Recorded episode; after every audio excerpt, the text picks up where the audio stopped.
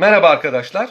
Şimdi e, anayasa hukuku, İslam anayasa hukuku bahsine devam ediyoruz Türk hukuk tarihinde. Daha önce de söylemiştim. E, önceki hukukumuzda devlet başkanına halife adı veriliyor. Halife e, hükümdarın vekili manasına gelir. Onun yerine geçen kimse manasına gelir.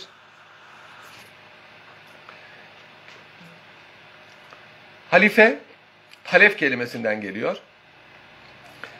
Halife için emiril müminin yani müminlerin emiri e, tabiri de kullanılmış.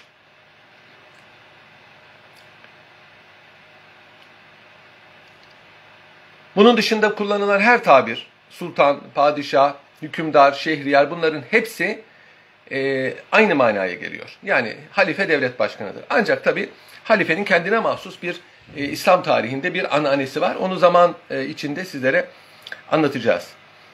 Şimdi Hazreti Peygamber'in çok meşhur bir sözü var. Orada tabiri kullanmış, bu tabiri kullanmış. Halifelik benden sonra 30 senedir. Ondan sonra meliklik yani hükümdarlık başlar buyuruyor Hazreti Peygamber. Ne demek bu? Bu tabir, bu hadis-i şerifi çok farklı tefsir edenler olmuş.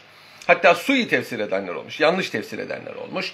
Bilhassa e, 30 yıllık Hulefai Raşidin devrinden sonrası için bazı yanlış e, anlamalara sebebiyet vermiş. Hazreti Peygamber bu hadisinde şöyle buyuruyor. Bu hadis-i şerifi meşhur e, alimlerden Şah Veliullah Dehlevi İzaletül Hafa kitabında şöyle izah ediyor. Diyor ki Hazreti Peygamber'in diyor üç türlü vazifesi vardı. Ben bunu daha önce anlatmıştım ama et tekraru hasene ahseni. Diyor ki bir tanesi tebliğ. Yani dinin emir ve yasaklarını insanlara tebliğ etmek, anlatmak.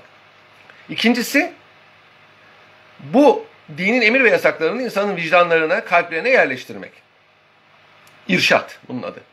Üçüncüsü dinin emir ve yasaklarını icabında zor kullanarak yerine getirmek. Buna da icra veya saltanat veya kaza diyoruz. Hazreti Peygamber bir halifenin bu üç vazifeyi bir arada yerine getirdi. Ondan sonra Hazreti Ebu Bekir, sonra Ömer, sonra Osman, sonra Ali bu dört halifeler ki bunlara Hulefai Raşidin derler. Raşid halifeler. Bu e, olgun demektir Raşid. Çünkü bu dört halifede Hazreti Peygamber'in bu üç vazifesini hakkıyla yerine getirdiler. Onun için bunlara bu, buna hilafet-i hakikiye, hakiki halifelik derler. Fakat İslam tarihini bilenler bilir.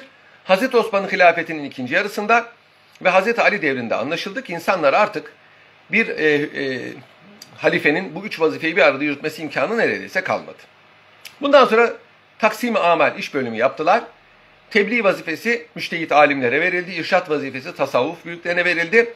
Ve icra vazifesi de e, hükümdarlara verildi, sultanlara verildi. Bunlara mecazen halife denildi. Buna da halifeyi Suri, Suriye, hilafeti Suriye yani görünüşte hilafet denir. İşte Hazreti Peygamber'in sözünün manası bu. Yoksa ondan sonrakiler halife değildir manasına gelmiyor. Onun için onlara da e, halife adı verilmiştir. Şimdi arkadaşlar, e, halife kimdir? Niçin halife var?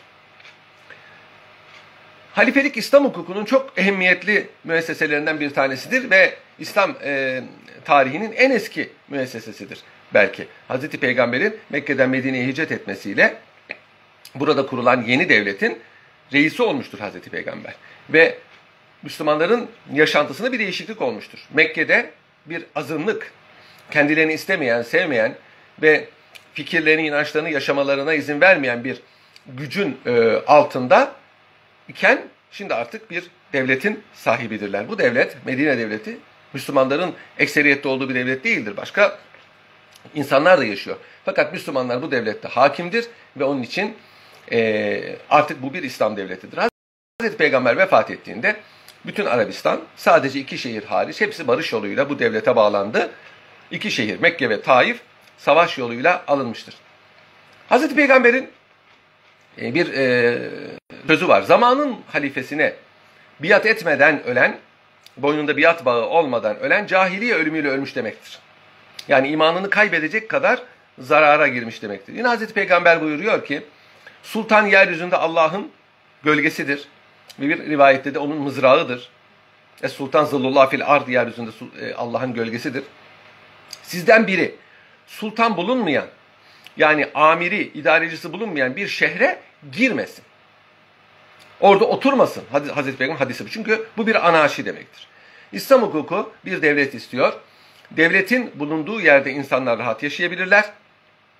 Devletin bulunduğu yerde haklı haksızdan ayrılır. Devletin bulunduğu yerde mazlum, e, zalime karşı hak iddiasında bulunabilir ve e, güçsüz ancak burada e, insan haysiyetiyle yaşayabilir. Onun için İslam hukukunda bir devletin varlığı aranıyor. İşte bundan dolayı Hazreti Peygamber vefat eder etmez onun hesabı toplandılar ve devlet reisi seçtiler. Cenaze sonra da kaldırılabilir. Zaten Hazreti Peygamber vefat ettiği zaman e, yaşadığı odada vefat etti ve oraya defnedildi. İki gün sonra defnedildi. Yani pazartesi günü vefat etti, çarşamba günü defnedildi. O zamana kadar dışarıya çıkarılmadı cenazesi. Orada yıkandı ve Müslümanlar peyderpey gelip orada cenaze namazını kıldılar. Topluca kılamadılar. Yani bu bir peygamber çünkü. Bu iki gün sürdü. Dışarıdan gelenler de oldu. Ve çarşamba günü defnedildi. Bu zaman zarfında devlet işi yürür, devlet işi durmaz.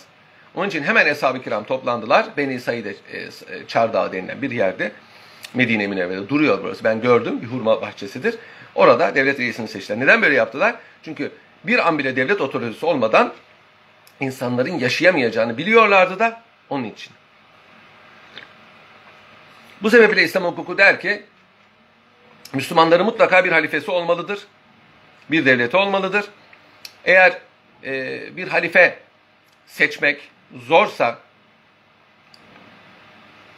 zorla başa geçen birisi de eğer kendisi halifelik şartlarını taşıyorsa yine meşru sayılır. Bir belde gayrimüslimler tarafından işgal edilirse ve başındaki idareci yerinde bırakılırsa bir müddet daha orası İslam memleketi olmaya devam eder ve Müslümanların bu baştaki kişiye itaat etmesi caiz olur. Eğer bir belde gayrimüslimler tarafından işgal edilirse orada yaşayan Müslümanlar kendi işlerini yürütmek üzere birini seçerler aralarında. Bu mümkün olmazsa esaret hayatı mevzu bahistir. Ve e, Müslümanlar beldenin en büyük e, alimine tabi olurlar. Artık o halife vazifesi görür. Bu ehemmiyetli bir prensiptir. Yani e, devlet hakimiyeti elinde olmayanlarından Müslümanların ne yapacağını gösteren ehemmiyetli bir kaidedir. Halife vilayeti amme sahibidir arkadaşlar. Velayet hukuki bir tabir, ıstılah. Şu demek, bir kişi veya birden fazla kişi, bir topluluk veya bir mal veya bir müessese üzerinde hiç kimsenin tahdidi olmadan ve o kişinin de rızası aranmaksızın tasarrufta bulunma selahiyetine denir. Mesela küçük çocuğun babası velayet sahibidir. Onun velisidir. Kadı mahkemenin reisi olmak itibariyle Müslümanlar arasında çıkan ihtilaflarda velayet sahibidir. Vakfın mütevellisi o vakıf üzerinde velayet sahibidir. Halife ise bütün Müslümanlar üzerinde velayet sahibidir. Halife Hazreti Peygamber'in vekilidir ve onun vekili sıfatıyla bu vazifeyi icra eder. Bu sebeple ona halife deniyor, yerine geçen demektir. Hristiyanlıkta bilhassa Katoliklerde bulunan Papa'nın, Hazreti İsa'nın yerine bıraktığı Havari Petrus'un vekili olması müessesesine bu oldukça benziyor. Halife nasıl başa gelir? Halifenin başa geliş usulleri. Bununla alakalı bir ayet hadis yok. Bununla alakalı e, ancak İslam tarihinde yaşanan bir takım hadiseler hükme medar, esas, mesnet olmuştur. Halifenin birinci başa geliş usulü arkadaşlar seçim. Yani beyat, biat yoludur. Biat söz vermek, sözleşmek demektir.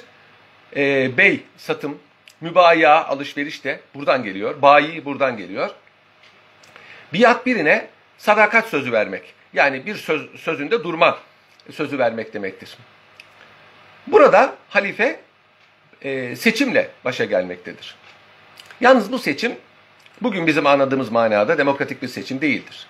Yani bu seçime iştirak edenler öyle e, vatandaşların tamamı değildir. Ancak hükümet merkezinde bulunan ulemadır. Yani hukukçulardır ve ileri gelen devlet adamlarıdır. Yani siyaset bilen, kıyamet sahibi insanlardır. Yani halkın toplanıp da halife seçmesi diye bir şey mevzu bahis değildir. Bu ideal bir yoldur. Az kişi seçse bile ideal bir yoldur. E, bu yolla başa gelen ilk halife Hazreti Ebu Bekir'dir. Hanefi mezhebine göre Hazreti Ebu Bekir, e, Hazreti Peygamber'in vefatından sonra Müslümanların kendisini halife olarak seçmesiyle başa gelmiştir. Beni Saide çar, çardağında yani Sakifetü Beni Saide'de toplanan Müslümanlar arasında üç fırkanın teşekkül ettiğini biliyoruz. Ensar, Muhacirin ve Haşimiler. Haşimiler Hazreti Ebu Bekir, e, Ali'nin halife olmasını istiyorlardı ama onlar orada değillerdi. Çünkü Hazreti Ali babasını kaybeden Hazreti Fatıma'nın yanında idi. Abbas Hazreti Ali'nin halife olmasını istiyordu. Ensar yani Medineli Müslümanlar ise Sa'd bin Ubadi yani e, ilk Müslüman olanlardan ve daha evvel de Medine'nin ileri gelenlerinden Sa'd bin Ubade'yi halife seçmek istiyorlardı. Muhacirler ise Hazreti Ebu Bekir'e namzet gösterdiler. Hazreti Peygamber halifeler Kureyş'tendir buyurmuş. Yani Araplar henüz daha yeni Müslüman olunmuş, Arabistan'ın birliği kurulmuş. Araplar Kureyş dışında birine itaat edemez. Etmez. Çünkü Araplar Kureyş'i her zaman üstün sayıyorlardı. Bunu biraz, birazdan anlatacağız bunun e, sebeplerini. Bu sebeple e, Hazreti Ömer Hazreti Ebu Bekir'e namzet göstermiş. Hazreti Ebu Bekir orada bulunanların ittifakıyla halife seçilmiştir. Daha sonra oraya gelenlerden mesela Zübeyir, Hazreti Ali gibi zatlar da Hazreti Ebu Bekir'in halife seçimini tasdik etmişlerdir. Bunlar da ona biat etmişlerdir. Bunların biatı artık bağlılık biatıdır, seçim biatı değildir. Öncekiler seçmiş, e, Hazreti Ali, Zübeyir ve orada bulunmayan ve sonra oraya gelenler de e, Hazreti Ebu Bekir'e bağlılık biatında bulunmuşlardır. Ve günlerce dışarıdan gelenlerin biatıyla Hazreti Ebu Bekir'e biat devam etmiştir. Şimdi seçim yolunda e, halifeyi seçenlere ehlül hal vel ak derler arkadaşlar. Hal çözmek demek Arapçada. Halletmek malumuz kullanılıyor. Akt ise bağlamak demek. Akit kelimesi kullanılıyor. Ukde düğüm demektir. Ehlül hal vel akt çözmeye ve bağlamaya ehil olanlar demek. Yani bir halifeyi, bir kişiyi halife olarak seçebilmek ve şartları varsa onu halifelikten azledebilmek salayetine sahip olanlar demektir. Bunlar akil bali, ilim sahibi adil, salih, fazıl kimseler, ilim sahibi kimselerdir. Ve bunların söz birliği yapması da gerekmez. Ekseriyetin e, bir e, seçmesi kafidir. Bunlar toplanması kolay olanlar. Diğerleri de bunların seçimine uymak mecburiyetindedir. Hazreti Osman'ın vefatından sonra Hazreti Ali'nin hilafeti de böyledir. Abbas halifelerinden de böyle seçim yoluyla e, gelen halifeler var. Vasık mesela bu şekilde e, ölünce e, Bağdat'ta bulunan e, kumandanlar, ileri gelen alimler e, Şehzade mütevekkili halife seçmişlerdir. Namzetler eşit oy alırsa diye soruyor arkadaşınız. Kura çekilir. Kura çekilir. Yani iki namzet eşit oy alsa veya üç, üç namzet eşit oy alsa bu istisnaidir ama mümkündür. Kura çekilir. Osmanlı padişahlarından Osman Gazi ileri gelen kumandanlar ve ahi denilen tarikat reisleri, esnaf loncası reisleri diyelim. Tarikat reisleri yanlış anlaşılır. Değil çünkü. Yani ahilik bir tarikat değil, ahiler de tarikat reisi değil. Ancak tasavvufla esnaf teşkilatı arasında bir irtibat var. Bu sebeple mesela Şeyh Edebali aslında tabaklar loncasının reisidir. Tabak, deri tabaklayan bir lonca var. Deri tabakçıları esnafının reisidir. Aynı zamanda Vefaiye tarikatına mensup bir şeyh idi kendisi. Osman Gazi'yi seçimle getirdiler. Halbuki amcası vardı. Dündar Bey vardı. Buna rağmen seçimle geldi. Yıldırım Sultan Bayezid Aynı şekilde Kosova Meydan Muharebesi'nde Murat Hüdavendigar şehit düşünce ki harp meydanında şehit düşen yani e, Kanuni Sultan Süleyman sayılmazsa e, harp meydanında şehit düşen ilk ve tek padişah Sultan Murat Hüdavendigar'dır. Bunlar e, bu da e, Yıldırım Bayezid'i seçmişlerdir. Yine e, Osmanlı padişahlarından Osmanlı padişahlarından e, özür dilerim Memlük sultanlarının tahta çıkışı bu şekilde olmuştur. Memlük sultanları çok enteresan hükümdarlardır. Köle asıllı kumandanlar. Bunlar e, diğer kumandanların ve ulemanın seçimiyle başa gelmektedir. Tekrar söylüyorum bu seçim bugünkü demokratik seçimlerden farklıdır. Öyle e, bütün halkın iştirak etmesi veya halkın büyük bir kitlesinin iştirak etmesi mevzu bahis değil. Şu anda mesela umumi oy prensibi var. Yani halkın tamamı rey vermeye iştirak ediyor. Fakat burada da tahdit var. Vatandaş olmak lazım ve 18 e, yaşını geçmiş olmak lazım. Halbuki eskiden 21'di. E, ondan evvel mesela erkekler rey kullanabilirdi, kadınlar rey kullanamazdı. Erkeklerin de hepsi değil. Ya vergi veren, vergi mükellefi olan veya mülk sahibi olanlar ancak e, rey verebilirdi.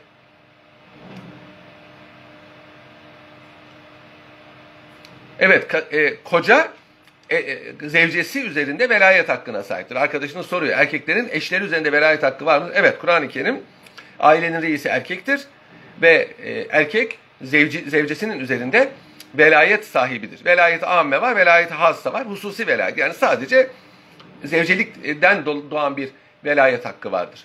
Bunun dışında mesela mallarına tasarruf edemez e, eş zevcinin, zevcesinin.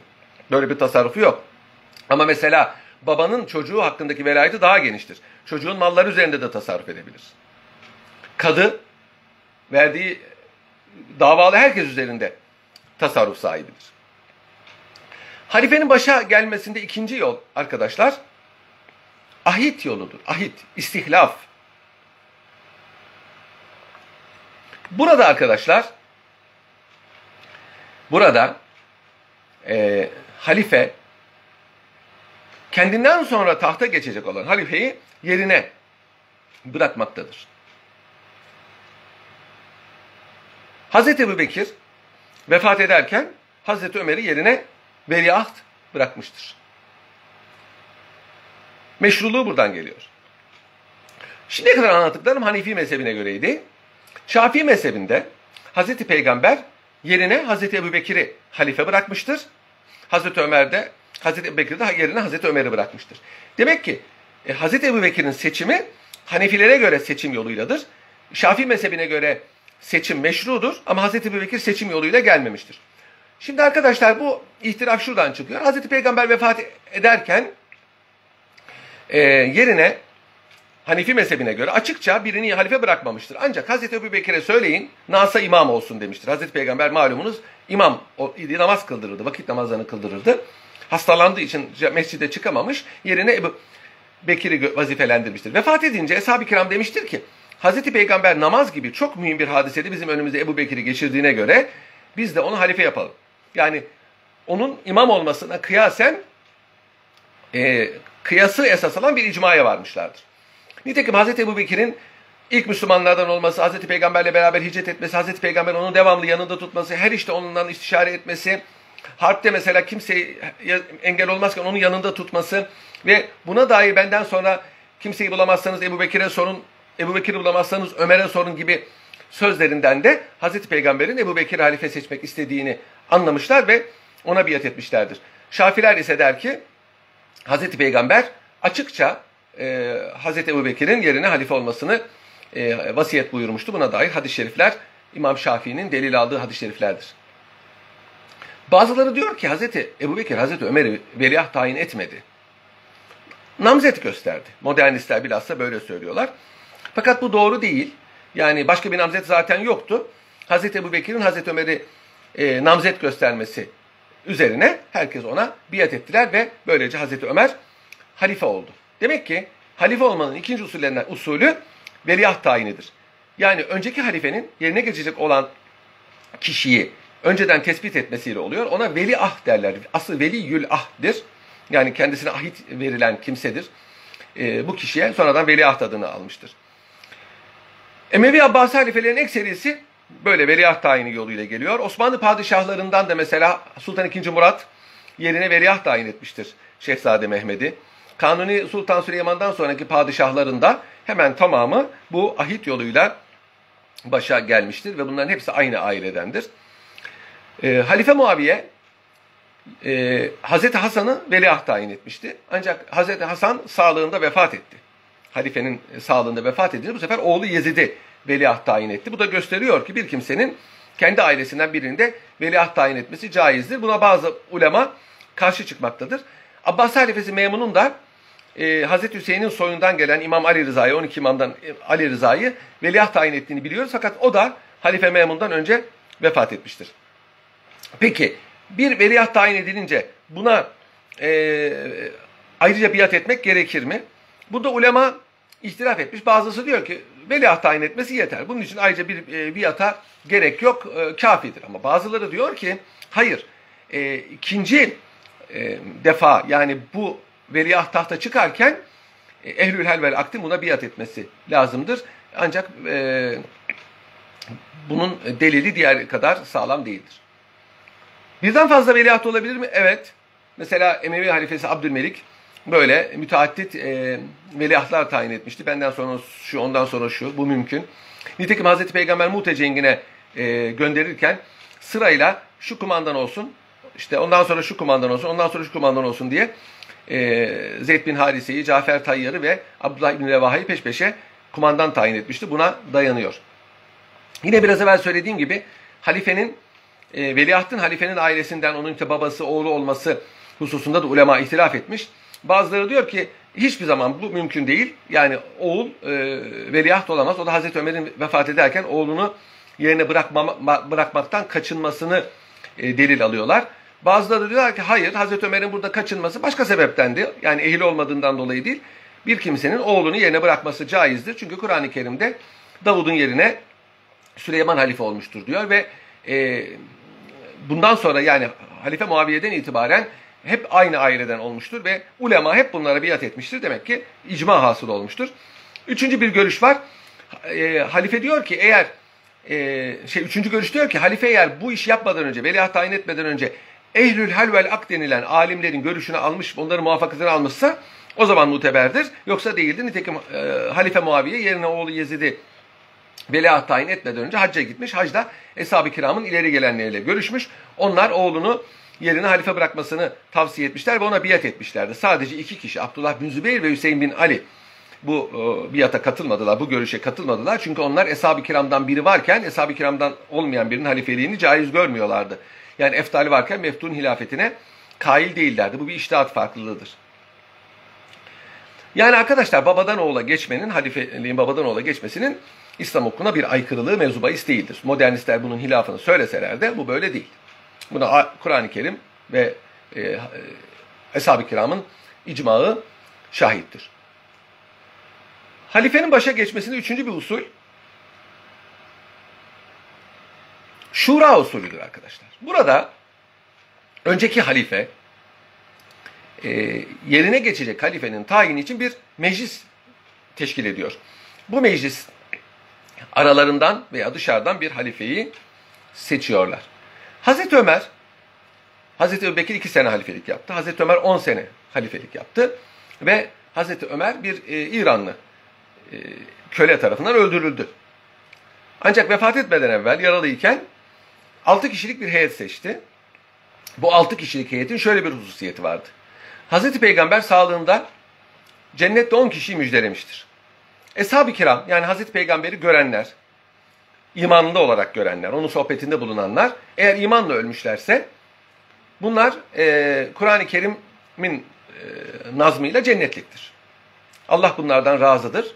Bunların masum değillerdir ama. Yani peygamberler gibi değil. Bunlar masumdurlar ve e, cennete gideceklerdir. Allah bunların günahlarını affedecektir. Bununla alakalı ayet-i kerime ve hadis-i şerifler vardır. Ancak ismen bildirilen insanlar da var. Yani Hazreti Peygamber ismen cennetliktir dediği sahabiler de var. Hazreti Hasan Hüseyin için demiş, Fatıma için demiş, Abdullah bin Selam için demiş, Übey bin Kâb için demiş. Yani bazı sahabeler için ismen söylemiş. Bunlar hepsi zayıf rivayetlerdir ama en kuvvetli olanı 10 kişi. Bu 10 kişinin e, cennetlik olduğunu Hazreti Peygamber söylüyor. Bunlara aşere-i mübeşşere derler. E, mübeşşere e, beşir, büşra, tebşir müjdelemek demek. Mübeşşere müjdelenen demek. Aşere on demek. Aşire-i mübeşşere cennetle müjdelenen on kişi demektir. 10 kişi demektir. Bu 10 kişiden bir heyet kurdu Hazreti Ömer. Bunlardan e, bu aşere-i mübeşşerenin zaten birincisi Hazreti Ebu Bekir'dir. O vefat etmişti. Aşere-i mübeşşereden Ebu Ubeyde bin Cerrah, o da Hazreti Ömer'in hilafeti zamanında Suriye'nin fethinde veba hastalığından vefat etmişti. Kabri Ürdün'dedir. Aşere-i Mübeşşe'den biri Hazreti Ömer'di. O zaten ölüyor. Namaz kıldırırdı Hazreti Ömer. Mescid-i Nebevi'de. Namaz secdeye gittiği zaman köle arkasından saldırıp onu öldürdü. Zaten Hazreti Ömer'in ölümünden sonra artık halifeler için ayrı bir yer yapıldı mescide. Ona hünkâr mahvili derler. Bugün Osmanlı camilerinde de vardır. Halife orada e, mayyetiyle beraber namaz kılan. Kafesle ayrılır. Yani oraya bir suikastçının girmesine engel olmak için bu şekilde namaz e, kılarlar. Hazreti Ömer'den sonra bu adet çıkmış. Hazreti Ali'nin camide öldürülmesi üzerine bu artık tamam etmiştir. Halifeler kapalı bir yerde namaz kılmaya başlamışlardır. Camide. Ve namazı vekiller vasıtasıyla bazen kendileri bazen vekiller vasıtasıyla kıldırmışlardır.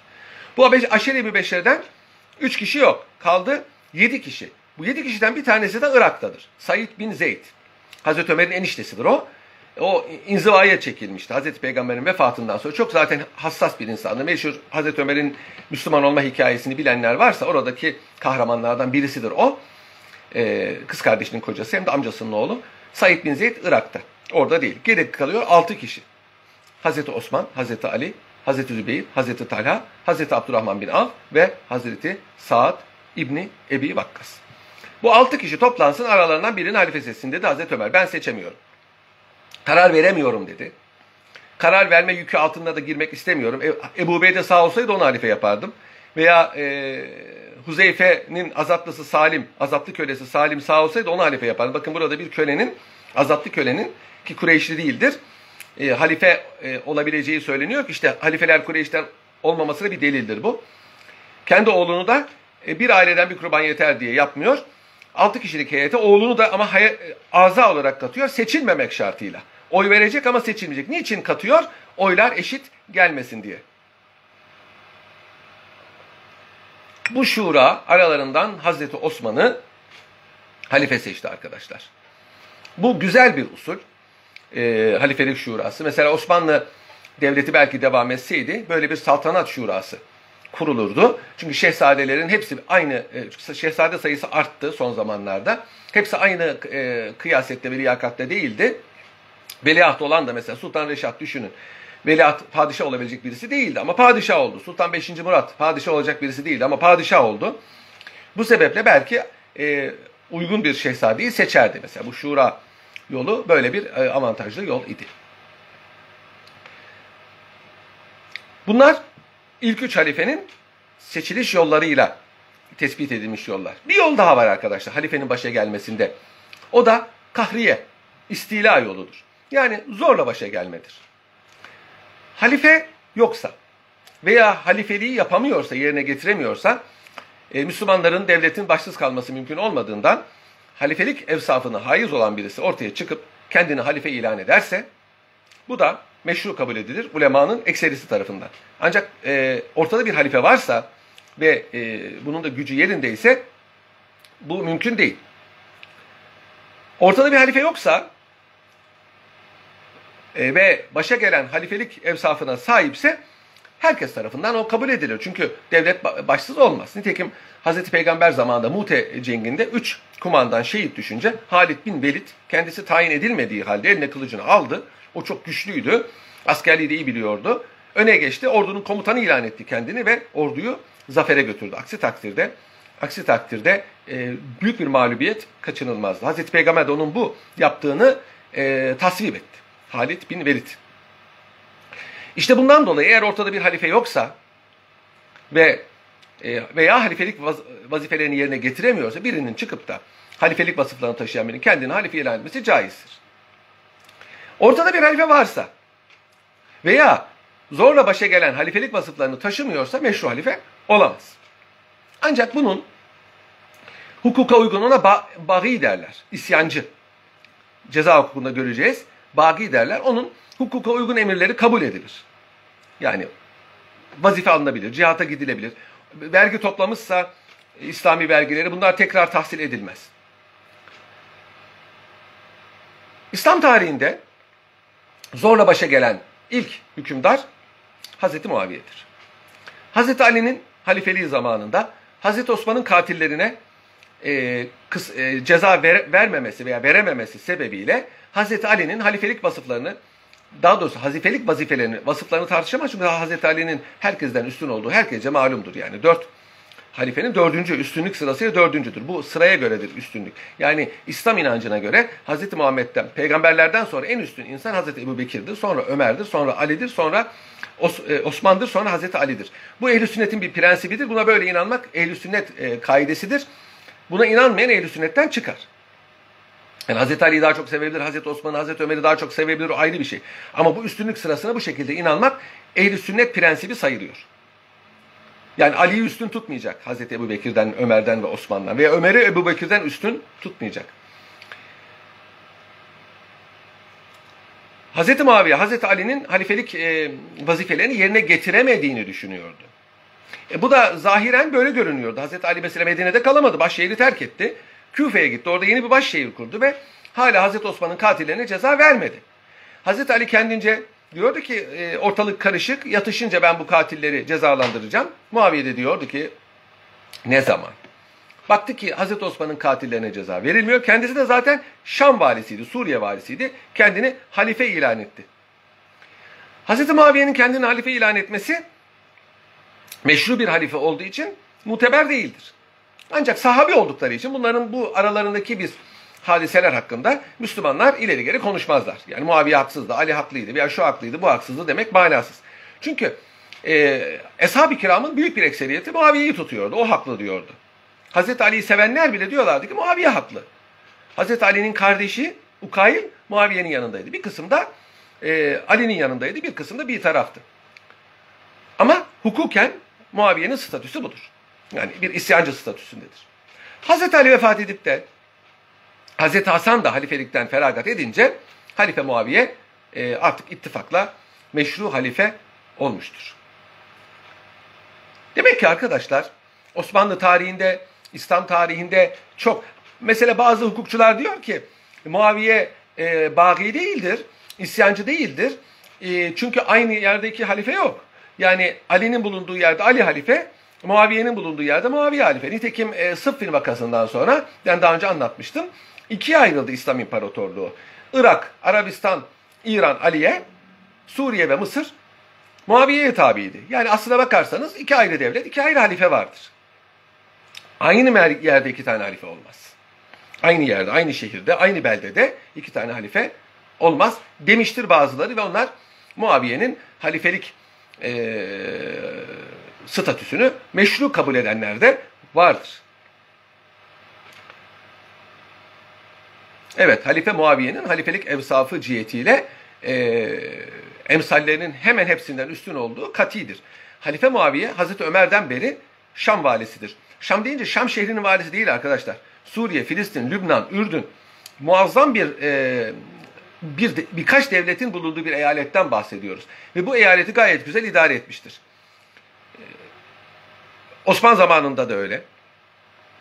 Yani yaklaşık 20 yıl hilafeti var şey valiliği var 20 yıl. 19 sene de halifeliği var. 39 sene e, hüküm sürmüştür. Ve bu e, zaman zarfında iyi bir siyasetçi, iyi bir idareci olduğunu göstermiştir. Hazreti Ali ile arasındaki meseleler onların ayrı bir meseledir. O ayrı değerlendirecek bir hadisedir. Osman, e, İslam tarihinde böyle misaller var. Mesela Emevi halifesi Mervan da zorla başa geçmiştir. Çünkü Mervan halife Muaviye'nin soyundan değil. Muaviye oğlu Yezid'i, Yezid de oğlu Muaviye'yi e, veliaht tayin etmişti. Muaviye mesela tahttan feragat etti. Feragat edince feragat edince e, Mervan aynı aileden kendini halife ilan etti. Güçlüydü. Halifelik e, yapabilecek evsafa da sahipti. Zorla başa geçmiştir. Onun için İslam tarihinde zorla başa geçen, kahriye yoluyla başa geçen halifelerden bir tanesidir. Abbas halifesi Seffah mesela. O da zorla başa geçen ve bir hanedan kuran, bir devlet kuran halifedir. Tuğrul Bey mesela Selçuklu tahtına geçti. Ondan önce Selçuklu Devleti diye bir devlet yok. Oğuzlara tabidir. Zorla başa geçmiştir. Selahattin Eyyubi yani Fatımi Devleti, Şii Fatımi Devleti'ni yıkmış ve zorla başa geçerek bir Eyyubi Devleti kurmuştur. Baybars bir e, Memlük köleyken, subayken zorla başa geçmiştir. Osmanlı tarihinde Yavuz Sultan Selim'i zorla başa geçenlere misal gösterilir ama doğru değildir. O babası feragat ettikten sonra tahta geçmişti. Ee, ve bana sorarsanız Çelebi Sultan Mehmet Osmanlı tarihinde zorla başa geçen tek hükümdardır. Şimdi Osmanlı tarihinde bazı darbeler var.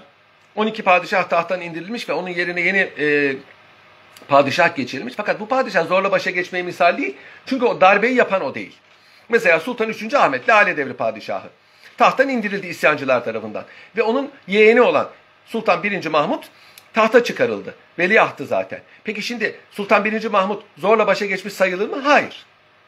O zaten ahit yoluyla başa geçmiştir. Onun için e, bunu buna dahil etmiyoruz. Osmanlı tarihinde sadece bileğinin hakkıyla, kılıcının gücüyle tahta geçen Çelebi Sultan Mehmet'tir.